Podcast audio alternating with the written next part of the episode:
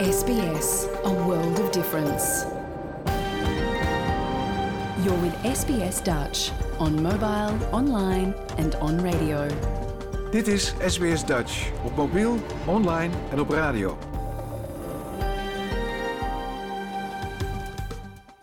Graag erkennen wij de traditionele eigenaren en verzorgers van het land, van waar we vandaag SBS Dutch uitzenden, en uiten we ons respect aan de Camaragal mensen van de Kurungay Nation en hun ouderlingen uit het heden en het verleden.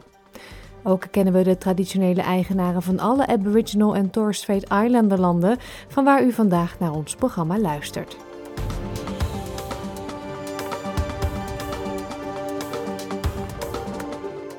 Goedemorgen, mijn naam is Paulien Roesink. Het is zaterdag 7 oktober 2023 en dit is SBS Dutch, het Nederlandstalige radioprogramma van SBS. In deze uitzending bellen we met Ilko Keij van Stichting Nederlanders Buiten Nederland over de aanstaande Tweede Kamerverkiezingen. Historica Ingeborg van Teeseling vertelt over het indigenous verzet tegen de First Fleet. In Leer Nederlands gaat het vandaag over de verjaardag en we bespreken de verschillen tussen het aankoopproces van een woning in Nederland en Australië met hypotheekadviseur Martin Mulder. Dat, het willekeurige weekoverzicht en muziek allemaal straks. Nu eerst. Dit is SBS Dutch. Het aantal vrijwillige brandweerlieden is in het hele land opnieuw gedaald.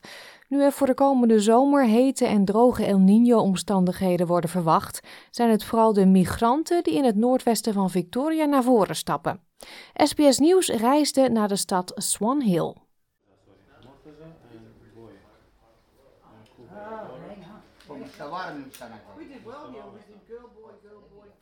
Vlak achter Swan Hills Uniting Church is er een plek waar nieuw aangekomen migranten samenkomen. Eén keer per week wisselen ze ervaringen uit tijdens een maaltijd en leren ze meer over het land dat ze nu thuis noemen. Sami Fox kwam vanuit Marokko naar Swan Hill en werkt nu als dossiermedewerker voor de Sunrisai Mali Ethnic Communities Council. Ze organiseerde deze bijeenkomst die gaat over de voorbereiding op bosbranden.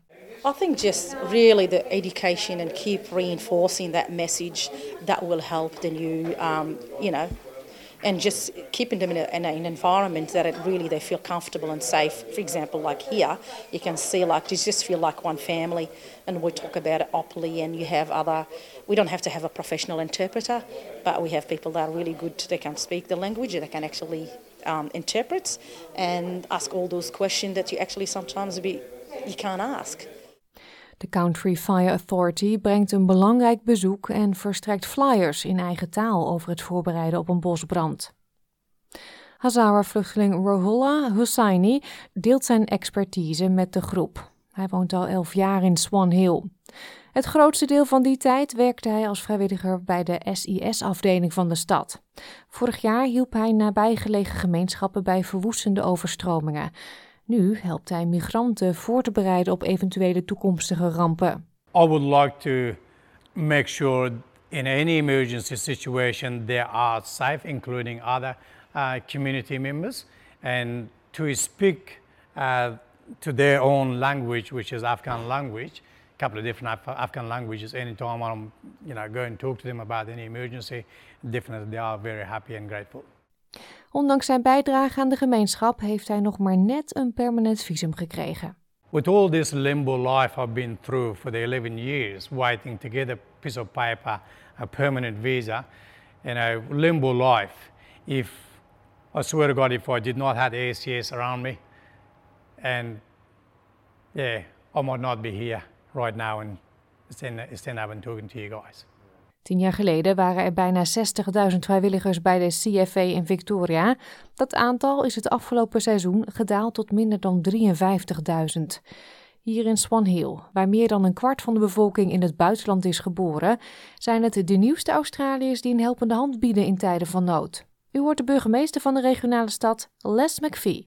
Yeah, look, you're right in what you say. Yeah, volunteering right across Australia is starting to decrease. They're becoming an aged sort of volunteers. But with the new multicultural, multiculturalism, the people coming in, it's very important for them to get involved and it's a great way for them to get involved in the community. De brandweer van Swan Hill zegt dat langdurige regenval heeft geleid tot meer brandstoffen in de natuur, wat een groter brandrisico met zich meebrengt bij warmere, drogere omstandigheden. Eén avond per week is het trainingsavond op het CFA-station van Swan Hill. Vrijwillige brandweerman Anton Fernando maakt deel uit van één van de 15 Sri Lankaanse families in de stad. We, we had little fires, but not bigger like here. And they never had uh, experience like this in here. How big and how um, bad it is. Even the flood event. De stad heeft ook een sterke gemeenschap uit Fiji. Josateki Fanumasi is een van die leden van de gemeenschap die de kost verdient door in het plaatselijke abattoir te werken. Under the um, visa that I come from, it's like I have to just go for one work, and it was a boring part for me to just back from work, stay at home, and nothing to do. So I, I rather put myself out, like coming and help the community, like we did back at home in Fiji. We always help each other to the community. Waarnemend kapitein van de Swan Hill Fire Brigade, Harold Jock, zegt dat het geweldig was om te zien hoe de vrijwilligers het multiculturele Australië weerspiegelt. A lot of the volunteering places are, are very stereotyped with where what the people that are in them, and I think breaking down those barriers and having people like Joe and Anton bringing what their culture, um, their beliefs and intermingling it with our brigade, I think is absolutely fantastic. Dit verhaal werd gemaakt door Ties Okayutsi voor SBS Nieuws en door SBS Dutch vertaald in het Nederlands. Gaan we verder met een overzicht van enkele opvallende nieuwsberichten uit Nederland van de afgelopen week, met dank aan de NOS en Omroep West.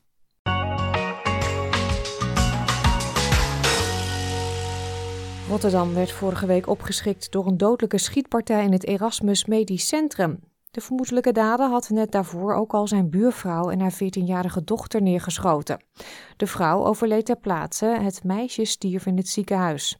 Koning Willem-Alexander bracht deze week een bezoek aan het Heiman Dullardplein, de straat waar moeder en dochter woonden. Hij was daar samen met onder meer burgemeester Abu Talib van Rotterdam. Het is heel emotioneel, heel rauw nog. Uh, toch heel dankbaar dat ik hier vandaag heb kunnen zijn samen met de burgemeester en de hoofdofficier van justitie. Om, om toch ook denk ik namens alle Nederlanders hier onze steun duidelijk te maken. Want ik denk dat heel Nederland echt geschokt is wat hier donderdagmiddag gebeurd is.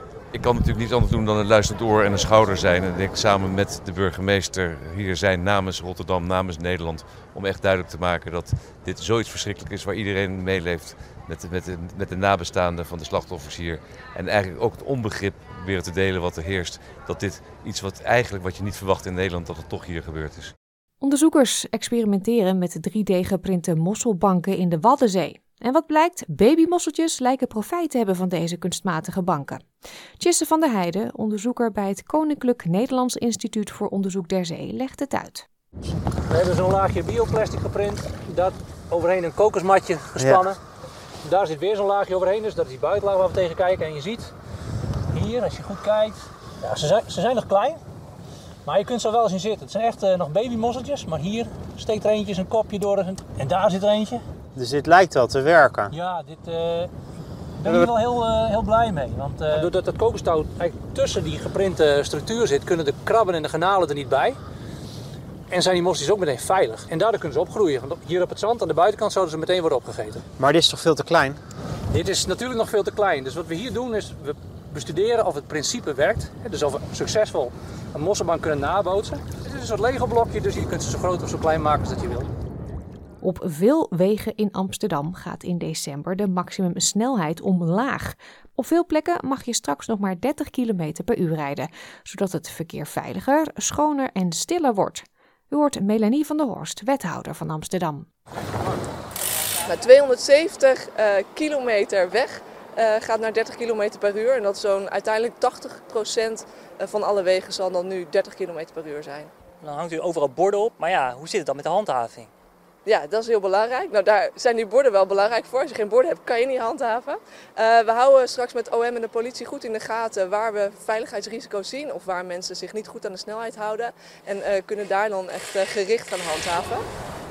Ja, alles voor de veiligheid zou je zeggen. Maar wat vinden de Amsterdammers ervan dat ze straks nog maar 30 km per uur mogen rijden? Er zit een racebaan hier ook. Dit stuk waar we nu staan tot daar ongeveer is ongeveer een kilometer of 80, 90 reizen. Bent u er wel eens bijna onder gekomen? Nou, dat niet. Ik heb wel eens neigend om een steen door zijn raam te gooien, dat wel. Daar ben ik heel eerlijk in. Maar niet gedaan? Nee, ik heb dat niet gedaan, maar uh, ik ben er wel toe in staat. Ik ben daar wel tegen eigenlijk. Waarom?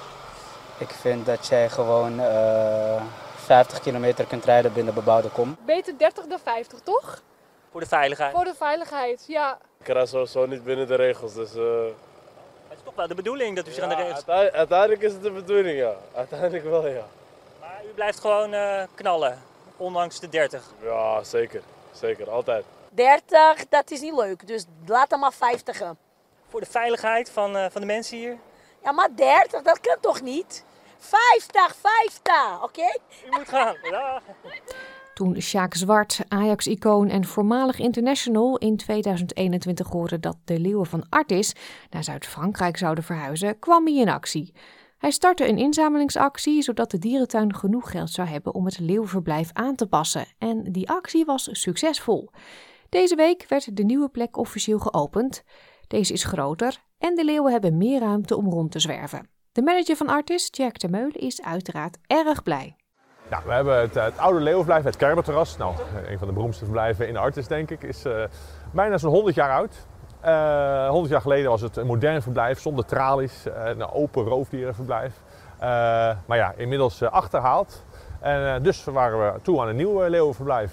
Maar is dit nog wel van deze tijd dan om zo'n nieuw verblijf te bouwen? Ja, ik denk dat het heel belangrijk is dat wij hier de mensen kennis laten maken met die leeuwen. En daarbij ook het verhaal vertellen.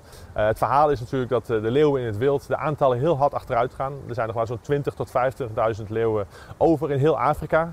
Um, dus het is echt ja, leeuwen spotten, leeuwen speuren. En zo is het ook straks hier in Artis. Het is niet meer zoals vroeger op het Kerbertras dat de leeuw standaard klaar lag.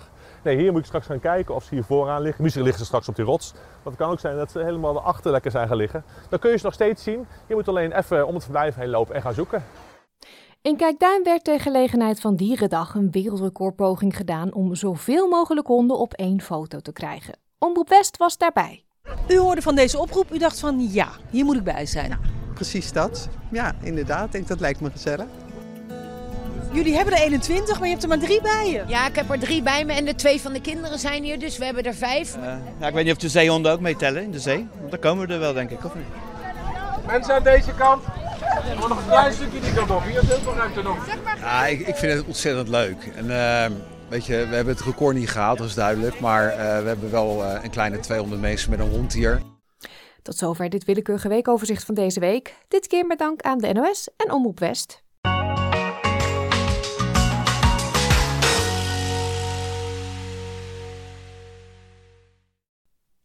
Begin juli van dit jaar viel kabinet Rutte 4 en dat betekent dus dat er nieuwe Tweede Kamerverkiezingen zijn uitgeschreven. Deze vinden plaats op woensdag 22 november. Ook Nederlanders die in het buitenland wonen mogen stemmen, maar daarvoor moet je je dan wel registreren. En dit moet voor 11 oktober, dat is al volgende week. We spraken met Ilko Keij van Stichting Nederlanders Buiten Nederland en hij legt uit waarom het belangrijk is om gebruik te maken van je stemrecht, ook als je niet meer in Nederland woont. Ilko liep op dat moment door de straten van Washington in Amerika, dus de telefoonverbinding was niet altijd even goed. SBS Dutch, woensdag en zaterdag om 11 uur ochtends of online op elk gewenst tijdstip.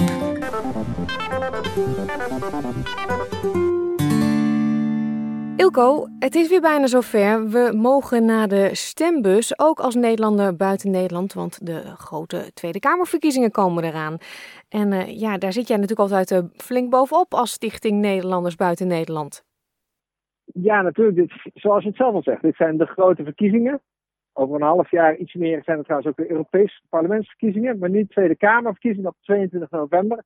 En onze eerste taak is het om te zorgen dat zoveel mogelijk mensen het weten en zich ook op tijd gaan registreren. Want die deadline die nadert heel snel. Dat is namelijk 11 oktober aanstaande. Ja, en registreren, is dat moeilijk? Het is niet moeilijk, maar je moet het wel doen. En het kan via uh, www.stemmenvanuitbuitenland.nl. Sta je al geregistreerd, dan hoef je niks te doen. Sterker nog, een heleboel mensen hebben het stembiljet al thuis in de bus gekregen. En waarbij ik ook moet aantekenen dat als je denkt van nou, die post, dat gaat niet lukken vanuit Australië. Waarbij je trouwens ook gewoon naar Sydney je spullen kunt sturen. Maar dan denk je van nou, goh, ik laat iemand die ik goed ken in Nederland, laat ik voor mij stemmen. Ik doe het zelf ook. Mijn broer gaat voor mij stemmen. Die, die wordt mijn gemachtigde. Maar om die volmachtconstructie aan te vragen, ook niet zo moeilijk is. Maar ook daarvoor is de deadline 11 oktober. Dus let daar wel op. Ja, nou zijn er mensen die denken, ja, ik woon hier al jaren en wat moet ik daar nou mee? Kan jij in een paar zinnen die mensen ervan overtuigen waarom ze toch zouden mee moeten doen aan de Tweede Kamerverkiezingen in Nederland? Ja, na jaren van campagne voeren weet ik ook wel dat als mensen echt niet willen stemmen, ja, dat het lastig is te overtuigen. Maar wat ik ze wel kan meegeven, en daar mogen ze dan rustig over nadenken, is dat uh, ze dan eenzijdig een relatie opzeggen. Want de overheid, die investeert nog steeds in wetgeving die wel degelijk over onze mensenlevens gaan in het buitenland. Dus je kunt wel heel stoer zeggen van nou ik heb er geen zin in of ik voel me zelfs een beetje schuldig, dat kan ook. Maar zo denkt de overheid er niet over. Die voelt zich niet schuldig dat wij in het buitenland wonen. En die deinst er ook niet voor terug om maatregelen te treffen die ons leven, die impact hebben op ons leven. Dus vanuit dat perspectief zou ik zeggen van misschien is het niet verstandig om deze relatie eenzijdig op te zeggen. Maar gewoon dan ook te stemmen voor de overheid die het liefst aan de knoppen wilt zien. Nou heeft iedereen die het een beetje volgt, het uh, politiek Den Haag, gezien dat het uh, nogal een uh, stormachtige tijd is geweest. Veel bekende gezichten zijn de politiek uit. Um, grote veranderingen. Um, merk je dat ook in de houding van de partij ten opzichte van de Nederlanders in het buitenland? Dat daar nu een shifting komt? Deels wel, want er zijn partijen die gewoon nog helemaal niet over hebben nagedacht. Dat is erg grappig in die zin. Maar we gaan ze er wel mee confronteren. Een van onze bestuursleden gaat ook proberen om videogesprekjes met verschillende Kamerleden van verschillende politieke partijen op te nemen. Juist om die vraag te stellen. Van, wat denkt u van de positie van de Nederlanders in het buitenland? Er zijn ook Kamerleden die, of uh, politieke partijen moet ik zeggen, die wat, wat verder zijn ingevoerd. Dus dan maakt het niet zoveel uit of ze nou iemand anders op de lijst krijgen. Um, ja, en eigenlijk alles ertussen. Je hebt inderdaad een heel veranderend landschap. Er zijn nieuwe leiders. Er zijn zelfs nieuwe politieke partijen. En er zijn nieuwe politieke partijen waarvan men een jaar geleden dacht, die gaan het heel goed doen. En nu bij nader inzien misschien het toch niet zo goed doen. We krijgen een nieuwe premier, dat sowieso. Kortom, er ligt echt heel veel open. En een gedeelte daarvan betreft ook in die zin de Nederlanders in het buitenland. Ja, drukke tijden voor de stichting, denk ik. Uh, om weer uh, mensen ervan bewust te maken dat dit speelt.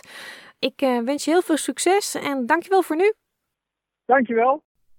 Meer informatie over hoe u zich kunt registreren vindt u op onze website www.sbs.com.au/dutch.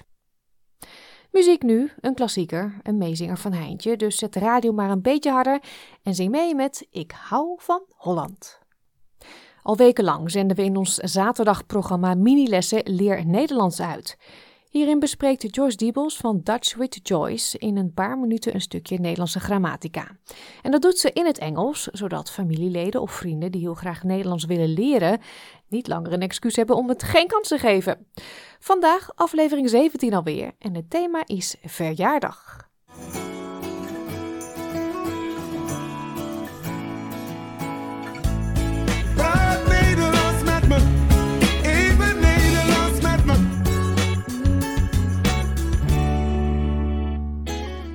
Hoi, ik ben Joyce van Dutch with Joyce en welkom bij een nieuwe Nederlandse les.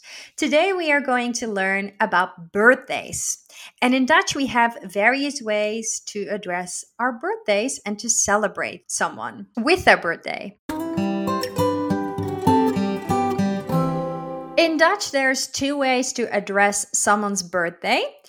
The first one is the birthday. In this case, we are talking about our noun recognized by the. The birthday is de verjaardag. De verjaardag. It has jaar, year, and dag, day in it. So it's your day where you're turning a year older. The ver is used to acknowledge a process. So the process of turning a year older on this particular day. De verjaardag. So you can, for example, say, Dit is mijn verjaardag. This is my birthday. Dit is mijn verjaardag. Another thing that you will hear a lot is ik ben jarig. Ik ben jarig. This means something similar to I am birthdaying. In this case, jarig is a adverb, not a noun. So you can't interchange verjaardag and jarig. So you can't say ik ben verjaardag, I am birthday. No, you're jarig, ik ben jarig. You can also say het is mijn jarig. Because then you're going to say it is my birthdaying. So keep in mind that you either say ik ben jarig or zij is jarig, it is her birthday. Of het is mijn verjaardag, it is my birthday. En het is de verjaardag van insert the name. So it is the birthday of someone. So those are the two different ways of addressing your birthday. Now, let's discuss what you can say to someone when it's their birthday. The most common one is gefeliciteerd, which means congratulation. And congratulations is used in any type of way that you would congratulate someone. So, gefeliciteerd. Gefeliciteerd. Gefeliciteerd. In conversational Dutch, we also like to say feli, as in a shorter way of gefeliciteerd. We can also say van harte. Van harte means congratulations, but it's more from the heart. It has heart in it. Van harte. You can also combine the both of them, making it extra special to congratulate someone. Van harte gefeliciteerd. Van harte gefeliciteerd. Number three is proficiat. Proficiat. Proficiat. Again, means congratulations and can be used quite in a general way. Proficiat. Now, if you want to specify that you're congratulating someone with their birthday, you can say gefeliciteerd met je verjaardag. Gefeliciteerd met je verjaardag. Congratulations with your birthday. Then, lastly, there's also Dutch birthday songs. And one of them is Lang zal ze leven. You can Google it and learn the song. But Lang zal ze leven means long shall they live. Lang zal ze leven. Lang zal ze leven. And those are the vocabulary for someone's or your birthday. So if it is your birthday today or your birthday coming up soon, gefeliciteerd met jouw verjaardag. And until next time. Dankjewel. Doei.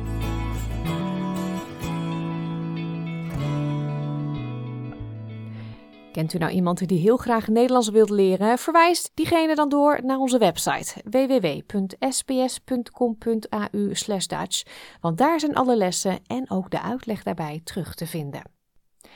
Een van de hardnekkige misverstanden die er nog steeds bestaat over 1788, het jaar dat de First Fleet aankwam, is dat First Nations mensen het land gewoon zonder worsteling aan de witte kolonisten overdroegen. Maar dat is dus niet zo, zo vertelt historica Ingeborg van Teeseling in een nieuwe aflevering van Australië tot nu toe. Ze vertelt het verhaal van het indigenous verzet aan de hand van enkele belangrijke namen: Pemulwuy, Truganini, Yagan en Dundalli. Dit is SBS Radio Dutch. Ja, Ingeborg, dat lang verwachte referendum over de Voice to Parliament, dat komt nu wel eh, steeds dichterbij. Hè? Er is al heel veel over gezegd, Maar jij wilde dan toch nog iets aan toevoegen, maar dan uh, vanuit de geschiedeniskant, zeg maar. Waarom is dat? Nou ja, kijk, een van de hardnekkige misverstanden die er nog steeds bestaat over 1788 is dat First Nations mensen het land gewoon zonder worsteling aan de witte kolonisten hebben overgedragen. En dat is natuurlijk toch echt niet zo. Ik heb dat ooit eens uitgebreid uitgezocht voor een boek, maar echt overal in het land dat wij nu kennen als Australië, hebben First Nations zich verzet. En wat ik wilde proberen is om je deze keer iets te vertellen over het begin. En dan kunnen we het een volgende keer hebben over de laatste honderd jaar of zo. En ik zal dat doen naar aanleiding van een paar mensen. Om te beginnen omdat je er dan meer bij kunt voorstellen, maar ook omdat we dat bij witte mensen ook doen. We hebben het over Napoleon bijvoorbeeld, niet over de Fransen. En over Winston Churchill, niet over de Engelsen. Dus vandaar. Oké, het allereerste begin, 1788. De First Fleet komt aan en in het begin ging dat eigenlijk best redelijk. Arthur Phillip had opdracht gekregen om vrienden te maken en dat probeerde hij dus. Maar het probleem was dat er tegelijkertijd ook een paar dingen misgingen. Binnen een jaar of vijf stierven honderden First Nations mensen aan ziektes die door de kolonisten waren meegenomen. Land werd gestolen natuurlijk door de nieuwelingen. En Arthur Phillip had een verkeerd iemand aangesteld als jachtopziener.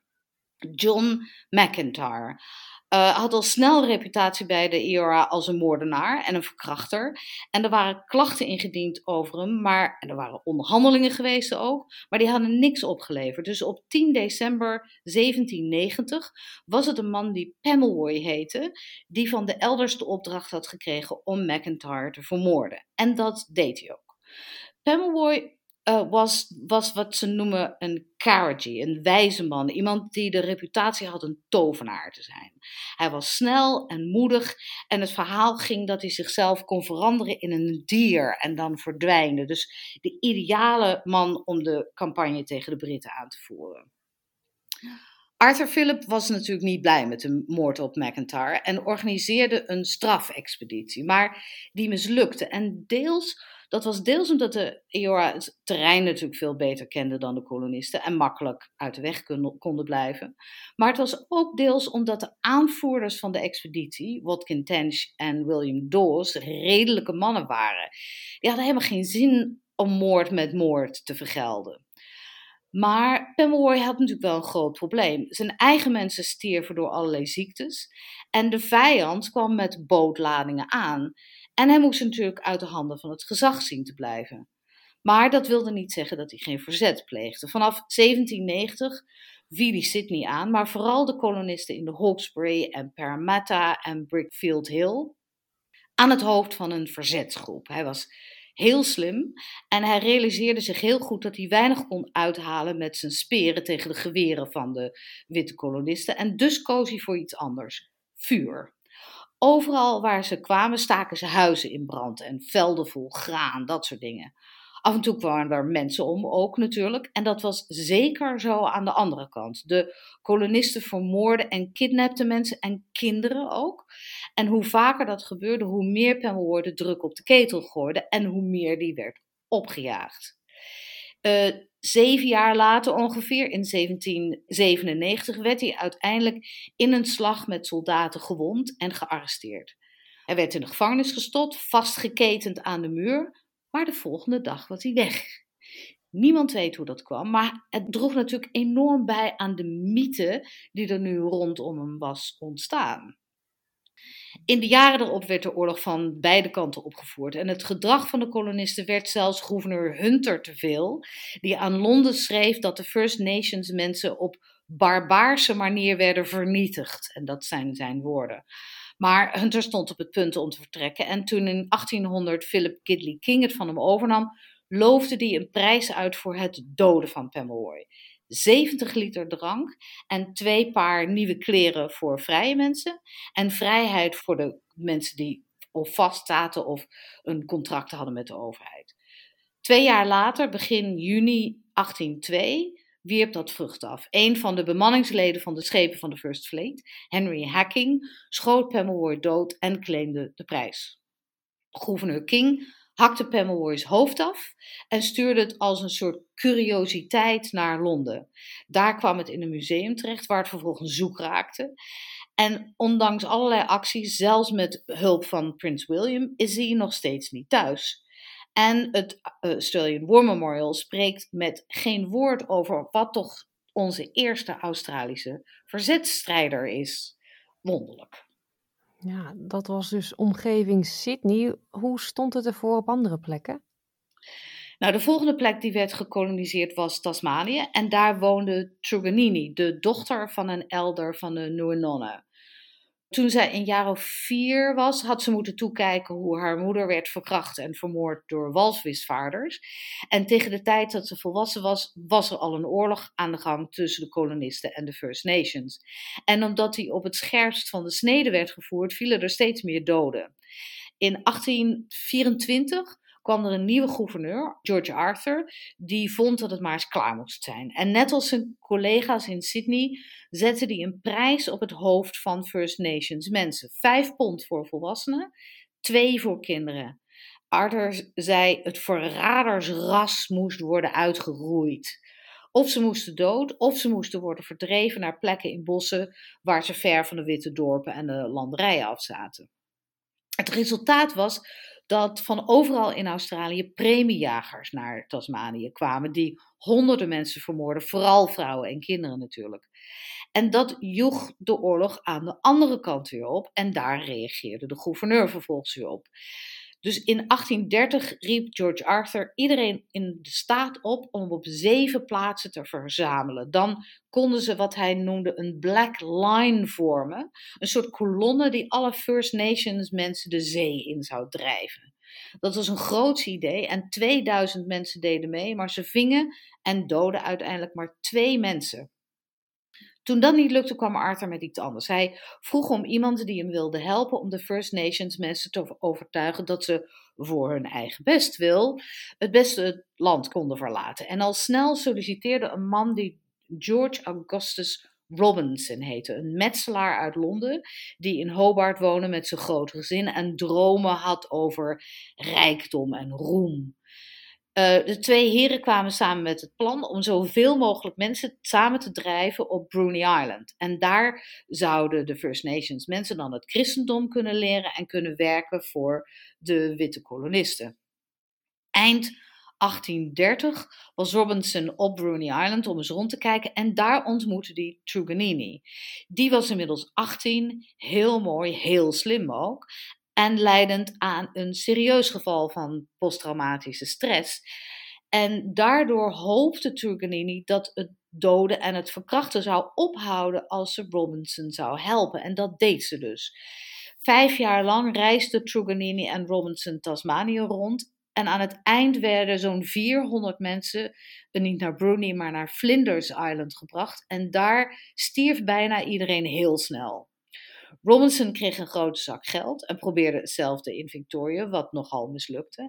En Truganini stierf in 1876 na een bewogen leven waarin ze beschuldigd werd van allerlei kanten trouwens, dat ze zelf had bijgedragen aan het vermoorden van haar volk. Het onterecht vind ik trouwens, want soms pleeg je verzet niet met wapens, maar met verstand en met hoop Net als Pemmelwoy werd haar dode lichaam niet met rust gelaten. Haar huid werd gestript en begraven. Haar skelet werd tentoongesteld in het Tasmanian Museum. En daar stond het tot de jaren 50. Daarna moesten er, net als bij Pemmelwoy, opnieuw campagnes worden gevoerd om haar netjes te begraven. En dat lukte gedeeltelijk. Twintig jaar geleden werden nog steeds stukjes huid en haar gevonden in de archieven van het Royal College of Surgeons in Oxford. Nou, wat een verhaal zeg. Ik wist wel dat het niet heel erg vrolijk zou worden natuurlijk. Um, ja, Tasmanië, welke staat volgt? Uh, zullen we het even kort over Western Australia hebben? Daar arriveerden kolonisten in uh, eh, 1829. Ze hadden nauwelijks een idee waar ze waren, maar namen wel alvast het hele land in bezit voor de Britten. En daarmee begon er ook daar een oorlog. Want de Noongar, die rond de Swan River woonden, in wat wij nu als Perth kennen, vonden dat niet zo'n fijn idee natuurlijk. En binnen de kortste keren hadden ze geen land meer. En geen land betekende ook geen eten. De kolonisten begonnen ook al snel mensen om zeep te helpen en vrouwen te verkrachten. En de man die op dat moment de baas was, Frederick Irwin, vond dat heel goed. Hij had het zelfs over heilzame lessen. Uh, de eerste gouverneur, James Sterling, was het daar zeer mee eens. En dus zaten we ook hier al snel in een soort treurigmakende cirkel van geweld en tegengeweld. Jij doodt iemand, dan dood ik iemand. En degene die Sterling verantwoordelijk hield, de Pemulwuy van Western Australia, was een man die Jagan heette, die met zijn broers en zijn vader, Mitchell de leiding had over het verzet. Ook hier werd een prijs op hun hoofd gezet en ook hier had dat resultaat. In 1832 werden Jagan en twee van zijn broers opgepakt. Maar toen gebeurde er iets interessants.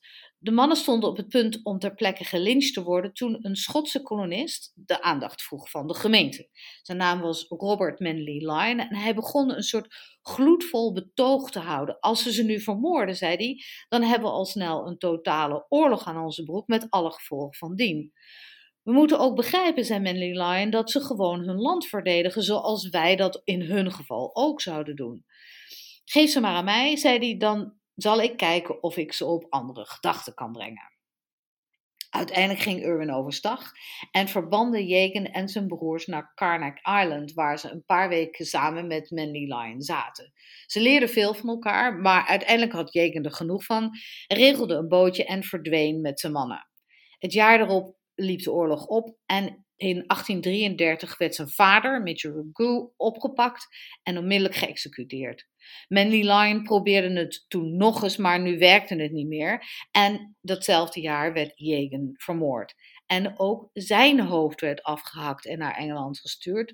En daar reisde het jarenlang door het circuscircuit. De oorlog hield daar trouwens niet meer op. Nog jarenlang verzetten First Nations zich, ondanks de slachtpartijen die onder Sterling's leiding regelmatig plaatsvonden. Nou, ik durf het bijna niet te vragen, maar uh, hoe ging het in Queensland?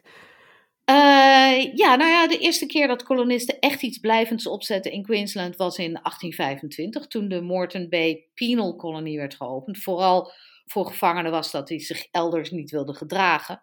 Maar het verschil tussen Queensland en de rest van Australië was dat First Nations mensen hier in de meerderheid waren.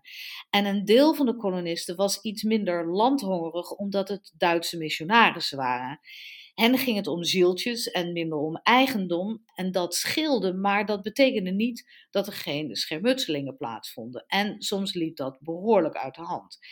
In februari 1842 bijvoorbeeld werden zo'n 50 First Nations mensen met opzet vergiftigd met bloem waar arsenicum doorheen zat. Dat kon natuurlijk niet onbestraft blijven en dat deed het ook niet. Het was het begin van een oorlog die in ieder geval zou duren tot 1855, toen de leider van de Queensland Rebellie, Dundalli, gevangen werd genomen en opgehangen. Dundalli was geboren in de Blackall Ranges, ten westen van wat nu de Sunshine Coast is. Hij kwam uit een hele belangrijke familie en in 1842 was hij een diplomaat, degene die de onderhandelingen met de kolonisten voor zijn rekening nam. Maar na de vergiftiging werd er een beroep op hem gedaan, net als dat met Pemulwuy gebeurd was, om de strijd aan te gaan met wapens. En dat gebeurde. Jarenlang was het een tit for tat, zoals de Australiërs dat zeggen. Drie van jou, twee van mij. En in 1846 gebeurde daarbij iets dat nog nooit eerder was gebeurd. Een witte vrouw overleed. Een zwangere witte vrouw. Alle kranten riepen op tot wraak. Slacht ze af, riepen ze tegen de overheid. En als je dat niet doet, dan doen wij het. Eerst leverde dat niet meer op dan er al aan de hand was. Alleen werd het nu vijf van jou en vijf van mij. En zo ging dat een paar jaar door.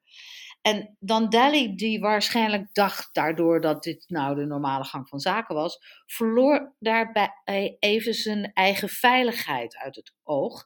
En in mei 1854 kwam hij naar Brisbane voor een vergadering en daar werd hij gearresteerd en opgesloten. De rechter die hem moest vonnissen was Roger Terry. En dat zou een goed teken moeten zijn geweest, want Terry was ook de rechter geweest in de processen rond de Mile Creek moorden. Dat was een bloedbad geweest waar zo'n 30 vrouwen en kinderen over de kling waren gejaagd door 12 mannen in New South Wales. En dat was op zich helaas niks bijzonders. Maar door Roger Terry was het de eerste keer geweest dat witte mensen waren opgehangen omdat ze First Nations mensen hadden vermoord. Dus op zich had Dali geluk, zou je zeggen. Het probleem was alleen dat Terry First Nations mensen zag als ongeschoolde wilden, waar die ver boven stond. En zo gedroeg Dali zich tijdens dat proces helemaal niet. Om te beginnen was hij een grote man met een enorm charisma. En hij verdedigde zichzelf en bleef Terry constant van repliek dienen. En daar was Terry helemaal niet van gediend. Hij veroordeelde Dandeli voor twee moorden en in januari 1845 werd hij opgehangen.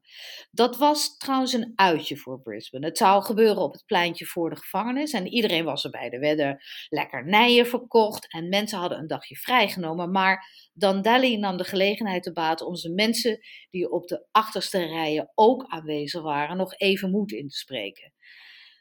Daarna ging het helemaal mis met de executie. De beul had Dandali's lengte verkeerd afgemeten en moest aan zijn benen trekken om hem dood te maken. En de dood van de grote leider leverde ook niks op. Het zou nog minstens 25 jaar duren voordat de kolonisten Queensland onder controle hadden, zoals ze dat zeiden. Maar wel ten koste van zo'n 60.000 doden aan de kant van de First Nations en 1500 aan de kant van de kolonisten. Als je dat geen oorlog noemt, dan weet ik het niet meer. Dus verzet was er wel degelijk. Ja, dat is nogal een lang en uh, indrukwekkend verhaal. Aan het einde van de maand vertelt Ingeborg verder over het indigenous verzet dan in de staat Victoria, want dat is de staat die we nog niet besproken hebben. Wil je een woning kopen hier in Australië, dan vergt dat tijd en gedegen onderzoek. Het aankoopproces verloopt hier namelijk heel anders dan in Nederland. Zo is een veiling in Australië niet ongewoon en kan je in Nederland vaak het hele aankoopbedrag en soms zelfs meer lenen. Maar er zijn meer verschillen en die bespreken we met broker en oudmakelaar Martin Mulder. Jouw gemeenschap, jouw gesprek, SBS Dutch. De huizenmarkt in Australië en Nederland zijn uh, voor een leek zoals ik uh, erg anders. Hoe kijk jij daar tegenaan, uh, Martin? Dat klopt, daar ben ik het helemaal mee eens. Ehm, in Nederland is het meer een huis om te wonen. En in Australië lijkt het meer een huis, is ook, uh, maakt een deel uit van je pensioen en van je, van je oude dagvoorziening. Dus het is een hele andere mentaliteit. Ja, heel moeilijk. Hmm. Jij woont hier al uh, heel wat jaartjes. Ik uh, kan me voorstellen dat jij als iemand die als makelaar heeft gewerkt en nu broker, dat jij wel een huisje hebt, misschien ook wel meer. Ben je al helemaal aangepast, maar um, had jij zelf moeite met die omschakeling? Want dat merk ik bij mijzelf heel erg en ik merk dat ook bij vrienden om me heen. Ja, het is uh, geen fijn gevoel dat als je een huurder bent, dat een huurbaas allerlei beslissingen kan maken wat een heel groot, een heel groot impact op jouw leven heeft. En uh, inderdaad, dat is, dat is heel anders en moeilijk. En je huurt niet voor het leven, net zoals wat er in Nederland gebeurt een beetje. Um, ja, en, en, ik denk toch dat inderdaad het kopen van een huisje hier, als je het kan, dat je dat toch zou moeten proberen. Want het verandert hier niet en het wordt niet zoals Nederland, denk ik. Het wordt niet zoals Europa, denk ik, uh, waar de huurders voor hun leven kunnen huren. Dus ik denk dat dat belangrijk is voor mensen die hier langer willen blijven. Van, je moet even goed kijken, waar kan ik het veroorloven om wat te kopen en waar zou ik graag willen wonen? En dan een compromis maken. Mm -hmm, ja, en als je dan besluit, oké, okay, die stap ga ik zetten, ik wil iets kopen. Wat zijn dan de grootste verschillen als je Australië en Nederland vergelijkt? Uh, dat is een hele moeilijke vraag. Want uh, ja, de makelaars hier werken heel anders. En ik, ik praat alleen over hier wat er in New South Wales in Sydney gebeurt. Um, makelaars die vertellen je één ding en dan als de andere kopers wat anders denken. En voor, vooral met bijvoorbeeld de openbare veilingen die ze in New South Wales in Sydney doen. Dat is allemaal veel meer agressief, vind ik voor de kopers. Uh, je moet als koper vrij veel tijd investeren. Je moet als koper vrij veel effort investeren in het krijgen van een lening. Je moet, een, uh, je moet veel moeite doen om advies te krijgen over het contract van een advocaat of een conveyancer. En uh, dan moet je ook nog kijken of het huis een beetje stevig is of dat er niet wat mis mee is. Dus uh, er zijn een heleboel dingen die waar je naar moet kijken voordat je wat kan kopen. Mhm, ja, en ik denk ook, ehm, en daar zal jij als financieel man ook uh, veel mee te maken hebben, is als je in Nederland een hypotheek nodig hebt, dan ga je naar een adviseur en dan kan je het hele bedrag, soms wat extra, om de keuken te verbouwen lenen. Hier moet je al een behoorlijk spaarpotje hebben. Ja, dat klopt. Uh, dat is de, het grootste verschil, denk ik, met Europa en met Australië. Je moet zeg maar 20% aanbetaling doen. En dan moet je ook nog overdrachtsbelasting betalen, de, de stamp duty. Um, er zijn wat schemes door de overheid die geduwd worden voor first home buyers. Waar de grote banken kunnen je tot 95% van de lening geven. Um, maar er zijn heel veel beperkingen aan met het, uh, het, bedrag wat je mag lenen. En dat hangt dan ook van, van je inkomen natuurlijk. En waar je dan wat kan kopen. Dus uh, ja, dat is inderdaad heel anders. Heel raar dat je als je een, een huis van een 5 ton koopt, dat je 100.000 eigen geld mee moet nemen. Plus de overdrachtsbelasting. Dus uh, dat is vrij, een vrij dure zaak. Mm -hmm. Heb jij wel eens Nederlanders geholpen? Ja, ik heb al verschillende Nederlanders geholpen. Um, die uh, hier nieuw waren, die hier al wat redelijk wat langer waren. Op dezelfde manier, Pauline, hoe wij elkaar gevonden hebben door de Facebook-pages. Um, daar komen wel eens vragen naar voren van mensen van hoe werkt dit of hoe werkt dat of waar kan ik hier naar kijken. En ik vind het fijn om mensen te helpen, vrijblijvend, want het is een moeilijk traject, een moeilijk proces. En je kan uh, heel gauw dingen ja, verkeerd doen. Je kan door agenten een beetje dat het de wol over je oog wordt getrokken. Van dat, dat je niet eigenlijk het juiste advies krijgt. Uh, dus het is belangrijk dat mensen weten wat, wat uh, juist is en wat niet juist is. Hmm, ja, ik denk dat mensen ook vaker over de schok heen moeten komen over de staat van een huis hier in Australië. Ja, de staat van een huis. En ik denk, even teruggaand op een van je eerdere vragen, ook uh, bijvoorbeeld dat als je hier de rente voor je hypotheek, dat is maar voor één jaar of twee jaar of drie jaar vast. En in Nederland is dat voor 30 jaar. Als jij een lening neemt, is het 30 jaar afgesteld op de, op de rente die je nu betaalt. Maar hier gaat het omhoog en omlaag met hoe de centrale banken reageren, hoe de overheid reageert. Er zijn heel veel invloeden die daar ook bij komen kijken en dat is ook vervelend. En dan natuurlijk het grootste is dat uh, in Nederland, ik geloof dat je nog een groot gedeelte van je rente mag aftrekken nog steeds als je zelfs in het huis woont. En dat kan hier allemaal natuurlijk niet. Dus uh, nee. ja, he heel veel. Het is hier uh, meer, meer interessant voor investeerders hè, om iets te kopen. Ja, het is heel erg, want de overheid heeft natuurlijk heel weinig huizen beschikbaar zelf. Wat in Nederland social housing en woningcoöperaties. Um, vroeger was het wat de kerken en uh, soms van de vakbonden ook, dat, dat ze al die huisjes hadden die, hun leden uh, konden kopen of huren. Um, en dat heb je hier allemaal niet. Dus ik denk, de overheid heeft heel lang geleden gezegd, jongens, we maken het aantrekkelijk voor investeerders. Er zijn veel belastingvoordelen voor investeerders.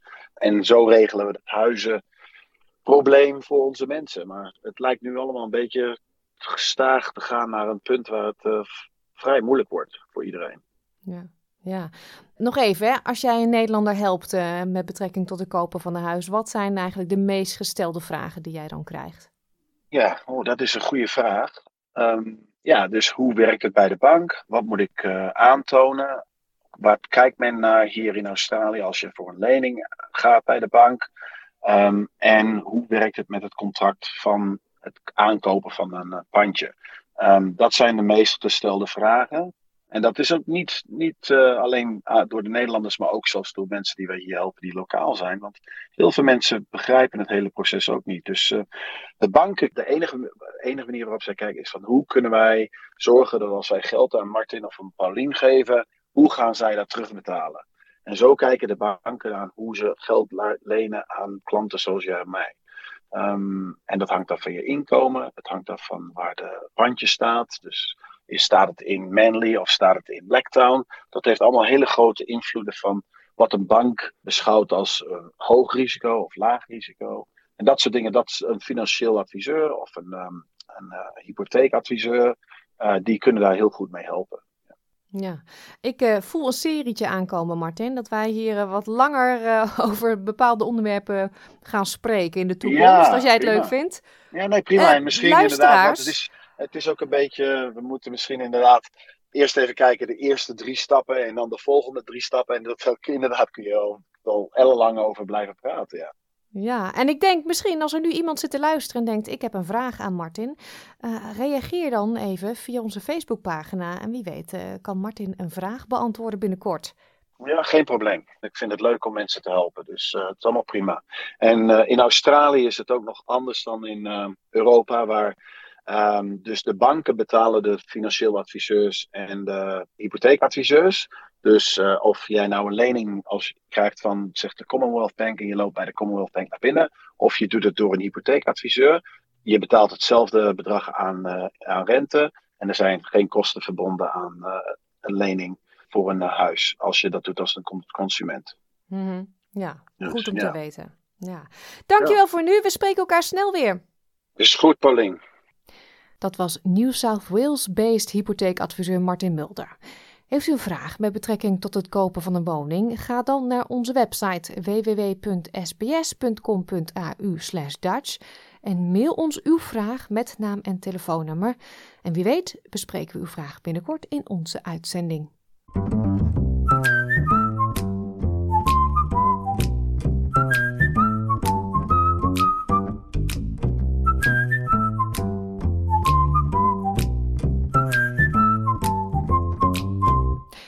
Hiermee komen aan het einde van dit uur SBS Dutch. Ga naar www.sbs.com.au Dutch om deze aflevering of onze andere verhalen terug te luisteren.